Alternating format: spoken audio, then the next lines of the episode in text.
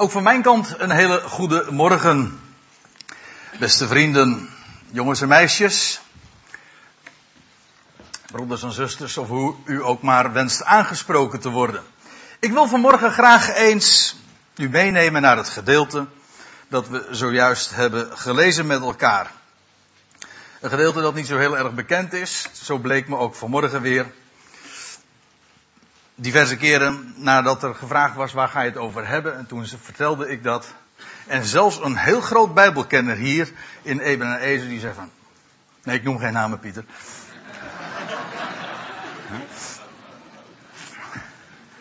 Maar... Nee, ik kijk ook naar niemand. Maar die kende het gedeelte niet. Je leert iedere keer weer bij. Zo is dat. Daar zit je. Ja, bij sommige mensen ligt de expertise wat meer in het Nieuwe Testament, nietwaar? Goed. Ik heb als het, als titel meegegeven, de dood in de pot. En die uitdrukking, die kennen de meesten van u waarschijnlijk wel. En in Vandalen vond ik deze omschrijving onder andere. Dat betekent, alle leven, handel en opgewektheid is er verdwenen. En de uitdrukking wordt gebruikt wanneer we, wanneer we willen zeggen dat het ergens een saaie boel is geworden. Als de le het leven, de vitaliteit verdwenen is. Of zoals we dat dan ook met een andere beeldspraak dan wel zeggen. Er zit nog wel cola in het flesje, maar de prik is eruit. En dan zeggen we, de dood is in de pot. En dat kan op allerlei manieren worden toegepast. Vooral uiteraard overdrachtelijk. Ook in het leven van van een gemeente kan dat plaatsvinden. In je persoonlijk leven. Dat je ooit enthousiast was over dingen. En, en op een gegeven ogenblik merk je dat dat enthousiasme, die prik, verdwijnt. En dan zeg je op een gegeven ogenblik moet je vaststellen. De dood is in de pot. En wat is er dan aan de hand? Wat minder bekend is, en daarom gaan we dat vanmorgen gewoon eens bespreken. Wat minder bekend is, dat dit die uitdrukking ontleend is aan de Bijbel. We hebben het zojuist gelezen. En ik stel voor gewoon dat we dat eens, die, die paar versen, want het zijn er niet zo heel veel, dat we die eens wat nader zullen bezien. Dat, het begint eh, met vers 38 waar staat, toen Elisa, en Elisa, dat is een bekende profeet, de opvolger, de bekende opvolger van Elia. En ja, het moet zo, niet moeilijk zijn om in hem ook een type, maar dat kan haast ook niet missen in de Bijbel, om in hem ook een type te zien van de opgewekte Christus. Hij, zijn naam betekent trouwens, God redt. Komt vrijwel overeen zelfs met de naam van Jezus, die als betekenis heeft, de Heere redt, Yahweh redt. Zijn naam betekent God redt. En hij wordt genoemd standaard in dit gedeelte, maar in deze hoofdstukken, de man Gods. De man Gods. wat ook heel opmerkelijk is, zijn loopbaan, zijn carrière, dat, dat, dat vind je aan het begin van dit boek, Twee Koningen. Dat was bij de Jordaan. Toen, zij, toen hij door de Jordaan trok, en als je het zo zegt, dan is het vrij dubbelzinnig, want je vindt dat nog wel eens een keertje. De eerste keer natuurlijk dat Israël door de Jordaan trok, toen ze vanuit de woestijn kwamen en het beloofde land ingingen. En dat is heel opmerkelijk, want in de Bijbel is die Jordaan altijd, en trouwens niet alleen in de Bijbel, maar in de algemene symboliek is de Jordaan een beeld geworden van, van de dood. Daarom spreekt men ook wel over de doodsjordaan. En het is een, een rivier die afdaalt en uiteindelijk ook eindigt in de dood. De dode zee. En daarom ook een uitbeelding van sterven is. En als een mens vanuit de woestijn komt en naar het beloofde land wil gaan, wel dan zal die eerst door de Jordaan moeten gaan. En vandaar ook de doodsjordaan. Door de Jordaan trekken is daarom ook een uitbeelding van sterven, van dood en van opstanding. Van die Elisa lees je dat daar bij de Jordaan, meer speciaal bij Gilgal, zijn loopbaan begon. En dat is helemaal opmerkelijk. Want dat staat er in vers 38, toen Elisa naar Gilgal terugkeerde. Daar begon het namelijk allemaal. Gilgal is die plaats, ik zei het zojuist al even, dat is die plaats waar Israël arriveerde toen ze vanuit de woestijn door de Jordaan getrokken waren en in het beloofde land aankwamen. Daar op die plek arriveerde men en men noemde die plaats Gilgal. En je leest er trouwens een aantal dingen van. Het, dus, er wordt gezegd van, uh, van die plaats Gilgal. Het bevond zich bij het eikenbos van More. En een eik in de Bijbel, dat is een schitterend beeld. Een eik, ik, ik kan het niet al te uitgebreid toelichten, maar een eik is een, een uitbeelding, een embleem van de trouw van God. Ik kan het nog anders zeggen, van de eed die God gezworen heeft. Het woord eed in de Bijbel is hetzelfde als het woord voor, voor eik. En vandaar ook die associatie. Zo'n zo'n boom is een uitbeelding van Gods trouw. God die recht doet aan zijn woord. En van Gilgal lees je dat zo heel uitdrukkelijk erbij vermeld dat, dat het zich bevond bij, de eiken, bij het eikenbos of bij de eikenbomen van More. More betekent onderwijs of onderwijzer. Nou, dat kun je wel zeggen, want van dat eikenbos, daar gaat onderwijs uit.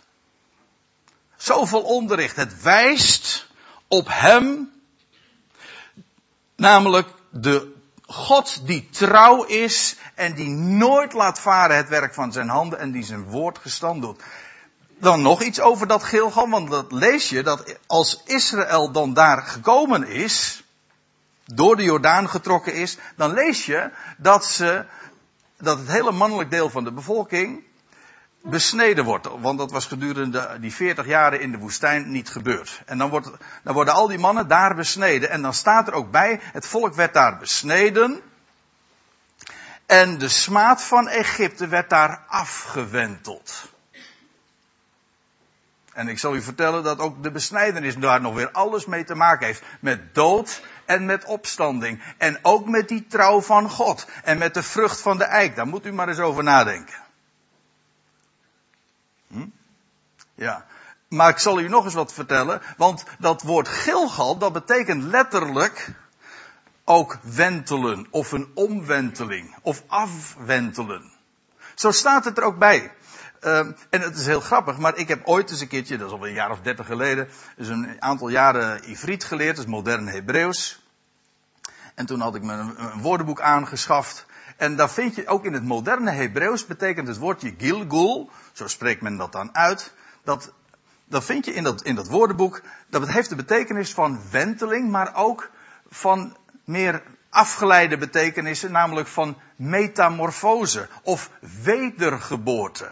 Of reïncarnatie, dat is daar nog weer wat verder van huis natuurlijk, maar wedergeboorte. Een complete omwenteling, want dat is wat het is. Een echte revolutie. Wel, dat is Gilgal. En als we ja, dat soort gedachten zo door ons hoofd laten gaan en, en je, je legt wat linken zo met allerlei bijbelse passages, dan is het niet zo moeilijk om dat ook zo'n conclusie te trekken. Het spreekt van, van, de, van de doortocht door de Jordaan. Het spreekt van van dood, maar vooral van opstanding, van een complete omwenteling. En dan denk ik trouwens aan nog iets, als u dat ziet op de achtergrond van het plaatje, namelijk over die weggewentelde of de afgewentelde steen. Dat was de echte revolutie, toen de dood werd overwonnen. Wel, daar denk ik allemaal aan bij Gilgal. Er is nog heel wat meer waar je aan kunt denken, maar ik zet dat zo even op een rijtje, want het is van belang om ook de betekenis van dit gedeelte te zien. Niet alleen maar wat er plaatsvindt, maar ook waar het gebeurt. Alle details blijken van belang te zijn voor het begrip. Het gaat om de overwinning op de dood. Dat is Gilgal. Nou, afijn. Elisa die keert naar uh, Gilgal terug. En daar staat er nog bij, er was honger in het land. Ja, tegen die achtergrond moet je dat ook lezen, want hier wordt eh, in deze geschiedenis voedsel gegeven aan een school van profeten. En dan staat er vervolgens, en terwijl de profeten voor hem gezeten waren, Elise was kennelijk iemand die profeten, een hele profetenschool, waarschijnlijk zelfs een hele koppel. Zo lezen we later. Er wordt gesproken over honderd man. Of dat dezelfde groep is geweest, dat is niet helemaal duidelijk. Maar in elk geval, het kan een flinke, flinke klas geweest zijn. De profeten gaf hij onderwijs en hij heeft ze dingen verteld, maar hij heeft ze niet alleen maar geestelijk onderwijs gegeven, maar hij heeft ze ook werkelijk voedsel gegeven. Dat staat er dan ook. Terwijl de profeten voor hem gezeten waren, zeide hij tot zijn knecht. Ja, wie, wie was die knecht? Ja, dat wordt hier niet bij vermeld. Eerder in dit hoofdstuk, 2 Koningen 4, wordt het er wel bij vermeld. Later trouwens ook weer in het volgende hoofdstuk, dan krijg je de welbekende geschiedenis van Naaman. Weet u wel? En dan wordt de knecht ook bij name genoemd. Gehazi, zo heette die, hè. Gehazi was die man die nadat Naaman, dat is wel heel opmerkelijk, ik, ik, ik wijs er dan toch eventjes op. Eh, Gehazi was die man die nadat Naaman ook in de Jordaan onder was gegaan en vervolgens weer boven was gekomen, zeven keer. Ja, ja. En toen was hij, hij, hij was ten dode opgeschreven, hij was melaats, maar hij, zijn lichaam was weer gelijk een kleine jongen, staat er. Zijn huid. Hij, hij had nieuw leven ontvangen. Ook daar in de Jordaan. Afijn. Die Naaman die gaat naar Elisa weer terug. En hij wil hem geschenken geven. En toen zegt Elisa, nee, nee, ik wil helemaal niks hebben. Ga maar terug naar je land en spreek van de God die jou dat gewoon allemaal heeft gegeven. Maar Gehazi hoorde dat. En die, is, en die was het daar helemaal niet mee eens. Want die gaat die steenrijke Naaman achterna en hij zegt van nou, ik hoef maar één talent, hij had nog veel meer bij zich, ik hoef maar één talent zilver. En dan zegt, en dan zegt Naaman nog van nou, ja, je krijgt niet één talent, je hier hebt twee talenten. Nou oké, dat vond Gehazi dan ook nog goed. Hm? Maar dat wordt een buitengewoon kwalijk genomen, want dan lees je dat, dat Gehazi weer terugkeert naar Elisa en dan vraagt hij van waar Gehazi, nou dan vertelt hij zijn verhaal en Gehazi krijgt hetzelfde als wat Naaman had. Namelijk hij werd ook melaats. En wat was er zo kwalijk aan? Wel, dat is niet zo moeilijk hoor. Naaman die had leven ontvangen, leven uit de dood, ja ja, Gratis voor niks. En Elisa die heeft daar ook op gewezen. Ga nou maar naar je land en spreek van de God van Israël. Die genade geeft om niet. En dan is het Elisa die knecht, of Gehazi die knecht, die denkt van nou, ik, ik, ik, ik hoef er niet veel voor te hebben, maar een talent zilver, ach, die man die heeft zat. Ja. Maar wat was nou het funeste daarvan? Wel dit, dat Naaman die zou naar zijn land gaan en spreken van de genade van God. Die puur om niet geeft. En nou moest hij gaan van nou, ja het was bijna gratis. Bijna gratis. Ja, maar weet u, er bestaat niet zoiets als een beetje gratis. Nee toch? Een beetje zwanger bestaat ook niet. En een beetje gratis ook niet. Je betaalt er, je, je betaalt er geld voor, of het is vrij. Gratis, om niet. En een beetje genade bestaat niet. Het is genade of het is geen genade.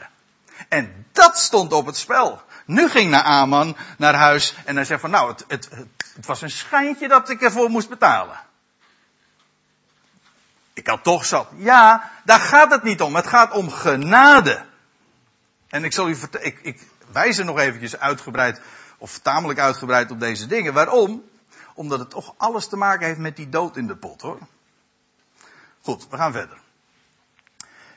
Eh, Elisa, terwijl er dus honger in het land is, hij, hij, is daar bij die profetenschool, hij geeft ze onderwijs, maar hij, zegt ook, zet de grootste pot, de, de, grote pot, dat zal waarschijnlijk toch echt een flink ding geweest zijn, zet die op, kook moes voor de profeten. En daarop ging er één naar het veld om groenten te plukken.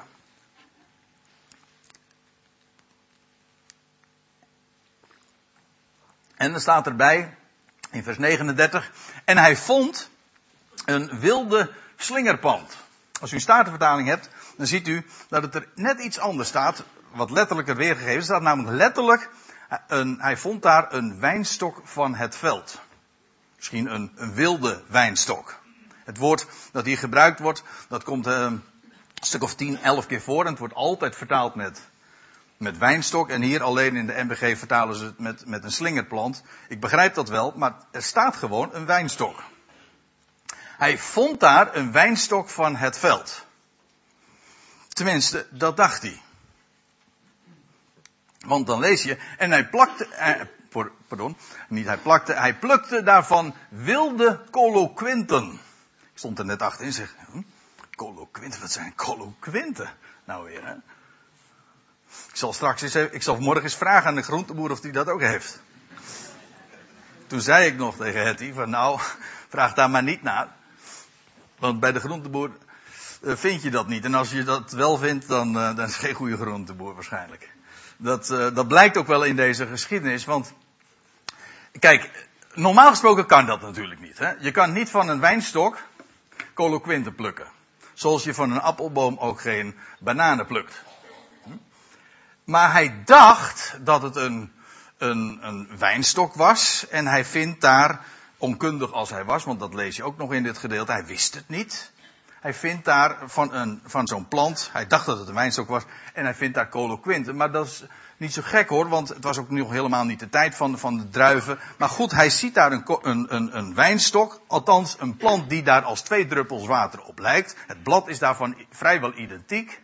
Ja, maar het was, het was geen druiven, daar hingen geen druiven aan, maar coloquint en hij kende dat niet. Hij dacht van nou ja, het is zoiets als een wijnstok en dan zal dat ook wel goed zijn. Hij ver, vermengde dat in zijn gedachten dus. Hij plukte daarvan wilde coloquinten. Een coloquint, dat is een vrucht die zo, zo groot is, ik heb het zelf nog nooit gezien, eh, maar op internet kun je er dan wel het een en ander over vinden. Het is een, een vrucht die zo groot is als een sinaasappel. En als je hem door midden snijdt, dan, zit, dan zie je veel zaad erin zitten. Wat trouwens wel eetbaar is. Zeer rijk aan olie. Maar het, in het algemeen, de vrucht zelf is zeer bitter. En wordt ook wel gebruikt, met name als medicatie. Voor, uh, uh, als laxeermiddel. Nou, dan weet je ook al genoeg. Hè? Dat moet je het vruchtvlees, het vlees van die, ja, als ik het zo zeg, dan is het meteen duidelijk waar het ook van spreekt. Het vlees is zeer bitter. Als je er te veel van eet, is dodelijk. Ja. Dat plukt hij dus. En dan lees je in vers 39, toen hij teruggekomen was, hij had er een heleboel van dat spul meegenomen. Want ja, er moest kennelijk een hele groep voorzien worden van, van voedsel. Toen hij teruggekomen was, sneed hij die in stukjes in de moespot. Want zij kenden ze niet. Dat zou een reden zijn om het dus niet erin te gooien. Maar goed, zij deden van, nou, dat zal wel goed zijn. Het, het, leek net op een wijnstok. Dus, hè. Het, het leek net een ware wijnstok, maar, uh, nou goed. Het wordt in stukjes gesneden en het gaat in die grote pot soep. En dan lees je in vers 40, vervolgens schepte men voor de mannen op om te eten. Maar zodra zij van het moes hadden gegeten, schreeuwden ze het uit, de dood is in de pot. Man gods, dus hij werd aangesproken. De dood is in de pot. En ze konden het niet eten. Ik veronderstel dat ze er niet al te veel van hebben gegeten, want het is zeer, zeer bitter spul. Dus de uitwerking ervan uh, hebben ze wellicht nog niet eens opgemerkt. Maar de dood is in de pot. Bitterheid is iets wat meteen eh, door de mens ook opgevangen wordt en opgepakt wordt. Uh, en geïnterpreteerd wordt als iets wat ziek maakt. Niet waar?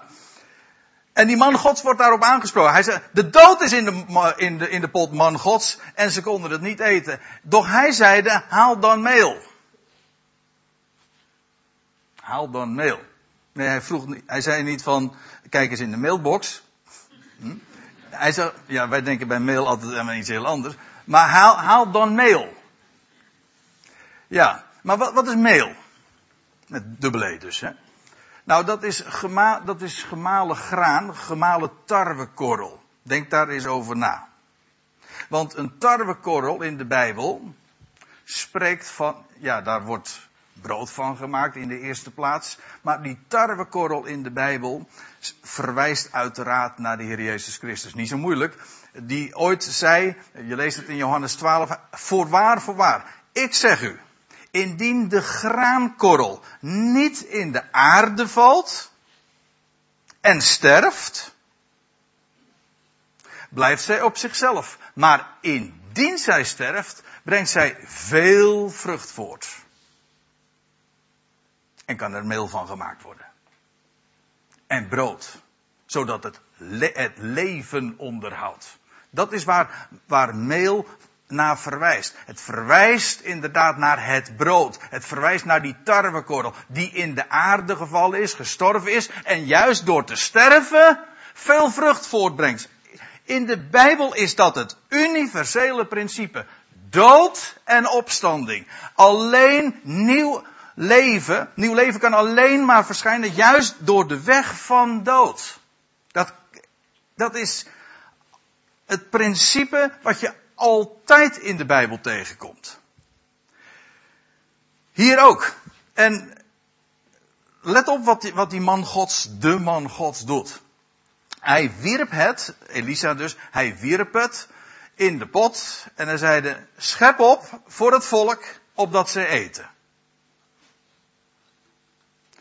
En toen, dan lees je, en toen was er niets kwaads meer in de pot. Hier was dus een wonder gebeurd van de eerste orde. Eerst een pot waar de dood in zat en nu was er niets kwaads meer in de pot. Met andere woorden, de dood in de pot is overwonnen. Dat is wat je ziet. Die kolenquinte, dat was giftig spul, dat was de dood in de pot. Maar de man Gods zorgt ervoor dat de dood wordt overwonnen, dat de dood uit de pot is en er is niets kwaads meer in. Ook dat spreekt weer, wat dat betreft wordt het eentonig, van dood en, wat meer is, van opstanding. De overwinning op de dood. Dat is wat je hier ziet. En als je nog even doorleest, ik ga die andere paar versen niet meer behandelen, maar als je nog eventjes doorleest, dan kun je eruit opmaken in welke tijd van het jaar het nog was ook. Het was in de tijd van Pasen. Ja, kijk maar na, wat het volgende vers zegt dan. Er was een man en hij bracht brood van de eerstelingen, twintig gerstebroden en vers koren. Dan moet je even nadenken. Het waren dus eerstelingsbroden en het was gerstebrood. Wel, wij weten uit de Bijbel, in Leviticus 23, dat de eerstelingsbroden van de, van de gersteoogst, die werden in de tijd, in de week van Pesach, dat was een speciale dag van de eersteling, in de week van Pesach, van Pascha, Pasen zeg maar, werd die aan de heren aan, aangeboden, werd die bewogen. De dag van de eerstelingsscharven. Nou, om een lang verhaal kort te maken, dat was in de tijd dus van het voorjaar, maart, april. Pasen, de week van Pesach.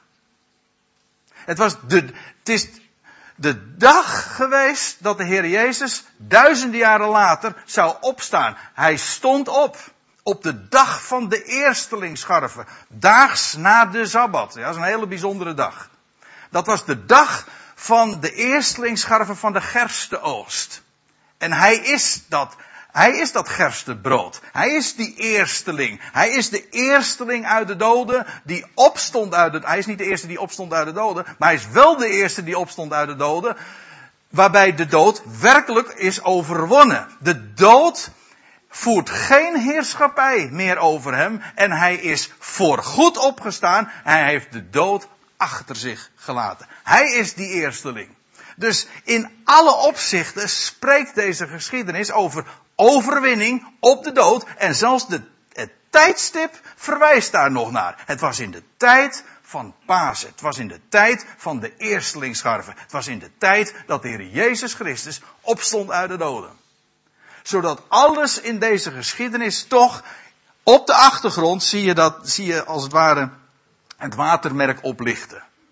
De opgewekte Christus, de opgestane uit de dood. Hij overwint de dood. En ja, dan wil ik u toch nog even wat meenemen naar die, naar die oorspronkelijke vraag waar we het over hadden. Over, over die vraag van ja, wat moet er nou gebeuren als daar de dood in de pot is? Hoe komt dat? Hoe komt het nou dat er de dood in de pot is? Dat het leven weg lijkt. Waar is het enthousiasme? Dat, dat wat je tot je neemt, ik bedoel in geestelijk opzicht, niet meer voedingswaarde heeft en niet meer levend maakt. Ik kan u dat vertellen. Dat komt omdat er coloquint in uw eten zit. En dat coloquint, en er wordt wat af, ja, dat is een nieuw werkwoord, er wordt wat afgecoloquint hoor. En ook in prediking. En dat bedoel ik niet alleen maar in religie in het algemeen, dat is allemaal gebaseerd op coloquint. Dat wat de mens produceert, het vlees doet. Maar het is altijd bitter. Maar dat is niet alleen in, in, in religie in het algemeen, maar het is in de christenheid, in kerken en gemeenten ook. Daar zit vaak zoveel coloquint. En een beetje, dat is de ellende, een beetje coloquint is al voldoende om, die, om de dood in de pot te veroorzaken. Dan kun je wel zeggen, ja, er zit er ook een heleboel gezonde groenten in. Ja, dank je de koekoek. Het is, het, dat kleine B, een klein druppeltje arsenicum is voldoende om zo'n hele pot dodelijk te maken. En dat, net zoiets als waar we het net over hadden, ja, over die Gehazi, weet u nog? Die vroeg ook maar één talent zilver, niet al te veel, hij had veel meer. Ja, maar het was, een, het was geen genade meer. Kijk, en dat heeft ermee te maken. Coloquent spreekt van vlees. Dat bitter is. In Johannes 6, vers 63, daar lees je. De geest is het die levend maakt. En dan staat erachter. Het vlees, heel zwart-wit hè.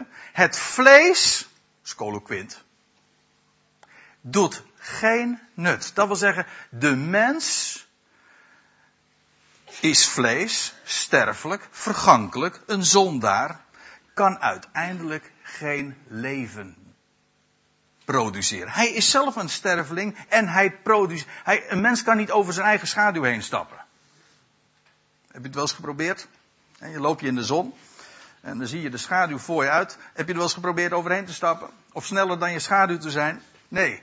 Een mens is vlees en dat wat hij produceert, een sterveling bedoel ik, en wat hij produceert is ook dood, uiteindelijk. Niet toereikend. Hij kan misschien wel heel veel, maar als het helemaal erop aankomt, dan kan die niks. Stelt het teleur.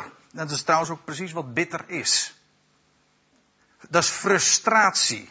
Je probeert veel, misschien kan je ook wel veel, maar uiteindelijk blijkt het niet toereikend te zijn. Blijken de armen van de mens te kort te zijn. En blijkt een mens tegen te vallen. En dat is coloquint. Een mens, waar, hoe komt het nou dat een mens in eerste instantie van het woord van God enthousiast is? Ja, waarom? Omdat je ziet dat het evangelie is. Je ziet dat God het is die alles doet en alles gedaan heeft. Het werk is volbracht en hij gaat alles tot een goed einde brengen. Dat maakt enthousiast omdat dat er niets van u afhangt. Dat kan niet tegenvallen. Maar weet u wat de ellende is? Het gaat weer tegenvallen wanneer je iets van de mens verwacht. Niet zoveel misschien. Nee, maar een beetje maakt al bitter. Want jezelf stel je teleur. En als, je, en als het niet jezelf is, dan zijn het anderen wel. De mens stelt teleur. Altijd. En dat is die coloquint. En daarom zegt, en er staat trouwens wel mooi hoor, in Johannes 6 vers 63, dat, dat was trouwens een hele harde reden. De meeste mensen gingen toen weg, lees je ook in datzelfde Johannes 6, als de Heer Jezus dit allemaal vertelt. Als hij zegt, het vlees doet geen nut, want is niet erg, eh, niet erg geliefd. Om te vertellen dat de mens niets kan bijdragen aan leven, aan redding, maar ook niet aan heiliging. En dat God alles voor zijn rekening neemt. Ja, maar het is wel de Bijbelse waarheid. De geest is het die leven maakt. Het vlees, die coloquint, dat doet geen nut. En dan zegt de Heer Jezus erbij, de woorden die ik tot u gesproken heb, dat is dat mail. Dat is dat woord Gods. Die zijn geest en leven. Dat overwint de dood. Dat is sterker dan de dood. Ja. Zal ik u nog een voorbeeld daarvan geven? In Romeinen 10, daar heeft Paulus het over zijn volk Israël. Zijn geliefde volk. En dan, dan zegt hij in het begin van het hoofdstuk, ik heb het nu niet uh, geprojecteerd, maar dan staat voorafgaand aan dit vers nog van, ja, dan zegt hij van Israël, zijn, zijn volksgenoten, en hij, hij wist het alles van, want hij was namelijk ooit van hetzelfde laken en bak. Dan zegt hij, ik getuig van hen dat zij ijver bezitten. Ja, en wat voor ijver. Maar zegt hij erbij, maar zonder verstand. Nou ja, ze hebben misschien wel heel veel inzicht, maar als het erop aankomt, is het zonder verstand, is het leeg. Ze heel veel ijver. En dan staat er, en dan zegt hij in vers 3, want onbekend met Gods gerechtigheid. Ze wisten het niet. Ze hebben het door elkaar gehaald. Ze dachten van de wijnstok te plukken, en maar het was colloquint. Onbekend met Gods gerechtigheid. En weet u wat die gerechtigheid van God is? Dat is dat God recht doet aan zijn woord. Dat is die, die eikenboom, weet u wel? Dat is de trouw van God. Hij doet wat hij zegt. En hij neemt alles voor zijn rekening. En omdat Israël, dat zegt Paulus, zegt van ja, ze zijn onbekend met Gods gerechtigheid, met het feit dat God alles voor zijn rekening neemt. De redding, maar ook de heiliging. En ja, als je daarmee onbekend bent, wat doe je dan? Nou, dan moet je het zelf doen. Het is of God doet het, of jijzelf. En wat gebeurt er dan? Dan getracht, er staat er, onbekend met Gods gerechtigheid en trachtende hun eigen gerechtigheid te doen gelden. Dat trachten, dat vind ik nou een schitterend voorbeeld van colloquit. Trachten. Proberen. Daar zit wel ijver in. En je neemt je petje ervoor af wat een mens allemaal probeert en toe in staat is. Maar het is het is trachten, proberen. Het falen, dat woord fa, dat, uh, bij dat woord proberen zit, daar zit het falen eigenlijk al ingebakken. Als je zegt, ik probeerde te stoppen met roken. Dan rook je nog. Niet waar? Dus probeer, trachten. En misschien lukt het je een beetje, maar heb je weer. Dus niet. Ik ben een beetje geslaagd. Ben je gezakt, hè? Trachtende, dat, dat is die kolen. Dat valt tegen, dat is bitter. Nou, onbekend met Gods gerechtigheid, trachten ze dus hun eigen gerechtigheid te doen gelden. En hebben ze zich niet dus onderworpen aan de gerechtigheid van God. En daar gaat het nu juist om. Kijk, en weet je wat je dan krijgt? En dat is ook zoveel, in zoveel prediking wordt dat naar voren gebracht. En in wezen is dat de essentie van elke religie. Je probeert sterk te zijn of te worden. Je probeert heilig te leven. Ja, maar er staat toch in de Bijbel, wees heilig. Staat er ook niet trouwens hoor. Ja, als in de meeste vertalingen wel, helaas, maar er staat, Gij zult heilig zijn. Ik kom er straks op terug. Maar men zegt dan, probeer heilig te leven. Doe je best. Tracht het. Doe pogingen. Je moet in ieder geval dat proberen. Of probeer rust te verkrijgen. Nou, daar kan een mens ook wat voor doen hoor. Rust te verkrijgen. Daar kun je meditatietechnieken voor doen. Hè? Of andere dingen voor bewerkstelligen, medicatie, maar uiteindelijk, het is allemaal trachten, het is proberen, het is colloquint, het is bitter, de dood is uiteindelijk in de pot. Je wordt er niet blij van. Of weet, weet waarom? Omdat je iets van jezelf verwacht, of eventueel van anderen. Maar dat vlees doet geen nut. Of je probeert gezegend te worden. Nou, ik kan er wel even verder gaan. Maar het is allemaal colloquint en het is, het staat er ook voor garant dat de dood in de pot komt. Er is maar één manier om daaraan te ontkomen. En dat is die mail. ja. De man, je moet je wezen bij de man gods. En hij is degene die dat overwint. En weet u wat het is? Het woord van God gaat er niet over wat u moet doen. Niet over, ja, zoals zoveel prediking daar wel over gaat, de do's en de don'ts, weet u wel? Of zoveel stappen tot. gezegend worden. Het zijn drie stappen om puntje, puntje, puntje. Nee, dat is allemaal, ik zeg het weer, colloquent. De mail is die de, die de giftige werking ongedaan maakt, dat is wijzen op de opgestane Christus. Hij die de dood overwint. En weet je wat je dan te horen krijgt? Niet probeer kracht te ontvangen. Nee, je zult kracht ontvangen. Dat belooft God. En als God het belooft, wat zeg je dan? Dank u wel, God. Dank u wel dat u mij dat geeft. Dan ga je dus niet meer proberen, want je ontvangt het. Op het zolang je bezig bent zelf het te proberen, ben je dus kennelijk doof of blind voor het geschenk. Ik geef iemand, ik geef iemand 10 euro, of nee, laat ik het anders zeggen. Iemand vraagt aan mij 10 euro. En ik, en ik pak me, en ik pak me portemonnee, royaal als ik ben, hè, en ik, ik open het en ik geef hier, alsjeblieft, heb je 100 euro. En zeg, mag ik alsjeblieft 10 euro? Hier. Zolang je vraagt, mag ik 10 euro, dan zie je kennelijk niet dat biljet van 100 euro. Kijk, dat is wat er hier aan de hand is. Zolang een mens tracht, probeert, is hij in wezen doof voor de belofte van God. God zegt, ik beloof, je zult kracht ontvangen. Of je zult heilig zijn. En wat zeg je dan? Als je gelooft, dank u wel God. Dan sta je s morgens op en zegt, dank u wel dat u alles aan mij geeft, dat ik niet hoef te proberen. U geeft het mij. Daarin geloof mag ik wandelen. Ik zal rust vinden. De heer zei het ook, hè? Komt alle tot mij die vermoeid en belast zijn. Die bitter geworden zijn. Of die, zal ik het anders zeggen, die ziek geworden zijn van die smerige quint. Dat bitter maakt. Ja. Alle die vermoeid en belast zijn. En ik zal u rust geven. En gij zult rust vinden voor uw ziel. Gij zult het. Dat is een belofte. En niet, wij hoeven niet zoveel stappen te, te ondernemen om, om zegen te ontvangen. Nee, wat zegt Paulus in Efeze 1?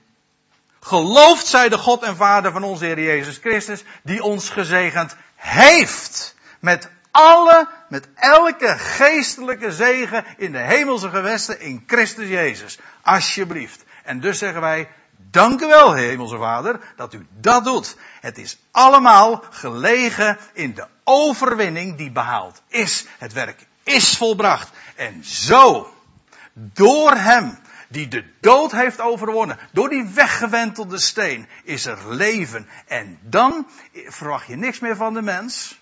Hoeft ook helemaal niet, want God geeft het allemaal om niet royaal. Je kan blijven eten. Je vindt ook nooit meer de hond in de pot, hè? Er is, niet, er is alleen, niet alleen maar geen, geen dood in de pot. Het blijft maar stromen. God geeft alles wat je nodig hebt. En je mag elke dag wandelen in geloof om alles wat hij om niet geeft. Ik stel voor dat we daar een lied over gaan zingen. U zij de glorie. Opgestane Heer. U zij de victorie nu en nimmer meer. En dan staat, er wordt er ook nog uh, in de tekst gesproken over de steen die is genomen van het verwonnen graf. En over Hij die ons vrede geeft. Nou ja, en wat verder volgt.